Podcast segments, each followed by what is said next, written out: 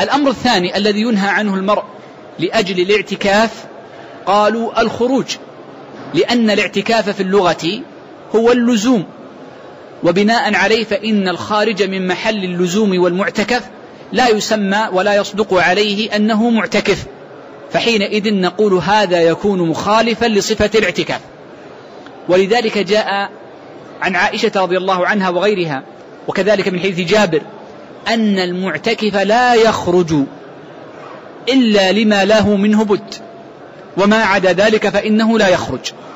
وهذه مسألة مهمة أريد أن تنتبهوا لها. إذا المعتكف إن كان خروجه لحاجة لا بد له منها كقضاء حاجة من بول أو غائط ونحوه أو لأجل أن يأكل فإنه فإنه يجوز له الخروج حينئذ. ولا يقطع ذلك جزاك الله خير. ولا يقطع ذلك اعتكافه. لأن في ذلك مشقة وحرج. ولو لم يفعل ذلك لترتب عليه نهي لأجل المسجد كما سيأتي بعد قليل. طيب. وأما إن خرج خروجا طويلا كأن ذهب لأمر من المباحات كالمشي أو للتسوق أو ذهب لأمر أطال فيه الفصل عن المسجد. فقالوا إن هذا الفعل يخالف صفة الاعتكاف فيكون مبطلا له. إذا فالخروج الكثير من المسجد لغير حاجة يكون هذا مفسدا للاعتكاف. ولذلك قال أهل العلم أن المرء إذا خرج من المسجد لحاجة فإنه لا يزور مريضا لأن زيارة المريض ليست حاجة وإنما يجوز له أن يسأل عن المريض إن رآه فيقول كيف أنت؟ وكيف حالك؟ وكيف صحتك؟ ونحو ذلك أو يدعو له بدعوة طيبة. وأما الزيارة فقالوا إنها ليست حاجة فتكون حينئذ مبطلة للاعتكاف وبه جاء الأثر عن الصحابة رضوان الله عليهم كعائشة وغيرها. إذا هذا ما يتعلق بالخروج فيكون إذا كان طويلا فإنه يكون مبطلا.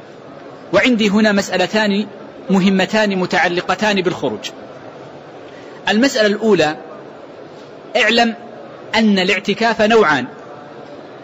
اعتكاف منذور واعتكاف ليس منذورا وإنما هو متطوع به. إذا الاعتكاف نوعان باعتبار الخروج. اعتكاف منذور بأن ألزم المرء نفسه بلفظ لهذا الفعل كأن يقول لله علي أن أعتكف ليلة الثاني والعشرين وهي الليلة التي سنقبل عليها في المسجد في المسجد النبي صلى الله عليه وسلم.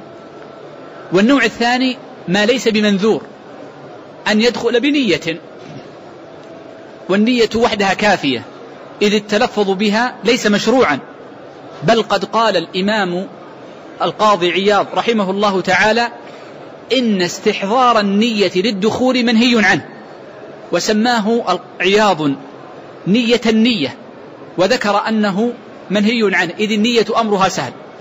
فمجرد عزمك على الدخول في المسجد مع موافقة الفعل على المكث كذلك فإنها تكون نية.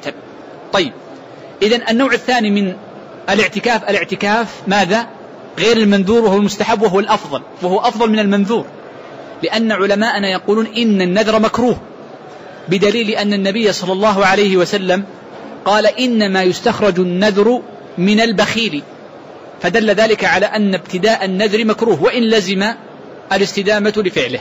طيب.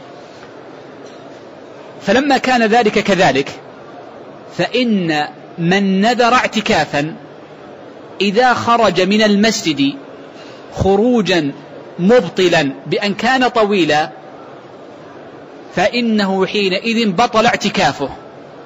وما الذي يلزمه؟ يلزمه أن يقضي هذا الاعتكاف فيعتكف يوما أو ليلة مكانه. وإن اعتكف مدة مت وإن نذر مدة متتابعة وخرج من غير حاجة خروجا طويلا انقطع تتابعه فلزمه استئناف التتابع من جديد بعد ذلك. إذا هذا الخروج أثره كبير ومهم بالنسبة لمن؟ لمن نذر الاعتكاف لأنه مبطل ليومه وليلته ومبطل للتتابع إن كان قد نذر أياما أو, أي أو ليالي متتابعات. طيب وأما إن كان النذر وأما إن كان الاعتكاف ليس منذورا وإنما دخل فيه المرء تطوعا منه من غير نذر وإيجاب على نفسه. وذكرت لك أن هذا هو الأفضل فإن خروجه من معتكفه يقطع أجر اعتكافه. فلو اعتكف الساعة الأولى والثانية ثم خرج الساعة الثالثة وعاد الرابعة فيكون قد اعتكف ساعتين فقط والثالثة لا اعتكاف فيها والرابعة استأنف اعتكافا جديدا. فيكون من باب استئناف الاعتكاف. وقد ذكرت لكم أنه يصح الاعتكاف ولو ساعة. فلو كان في اعتكف ليلة وخرج منها ساعة ثم عاد صح باقي اعتكاف ليلته لكنه نقص عن صفة الكمال إذ أكمل أقله أن يكون ليلة كاملة أو يوما كاملا. هل هذه المسألة واضحة؟ كثير من الإخوان لا يحسن فهم الخروج. متى يكون مبطلا للاعتكاف؟ ومتى يكون ليس مبطلا وإنما قاطعا فالماضي يثبت له أجره ولا يلزمه قضاؤه بعد ذلك. هذه المسألة الأولى في قضية الخروج من المعتكف. المسألة الثانية وهي ما ذكره بعض أهل العلم وهي مسألة أن المعتكف إذا دخل معتكفه فإنه هل يشرع له ويباح له أن يستثني؟ ويشترط فيقول أشترط أن أخرج لفعل كذا وكذا كأن أزور مريضا لأن أباه أو أمه مريض وهو قريب من المسجد فيخرج من المسجد ليزور أباه وأمه في كل يوم أو لأن من عادته أن يفطر مع أبيه وأمه في كل يوم ويعلم أنهما محتاجان لخدمته فيشترط في اعتكافه أن يخرج لذلك. نقول إن النظر للاشتراط في الاعتكاف من جهتين. الجهة الأولى أننا نقول إن محل الاشتراط إنما هو في الاعتكاف المنذور دون الاعتكاف المستحب الذي لا نذر فيه. إذا إنما يشترط متى؟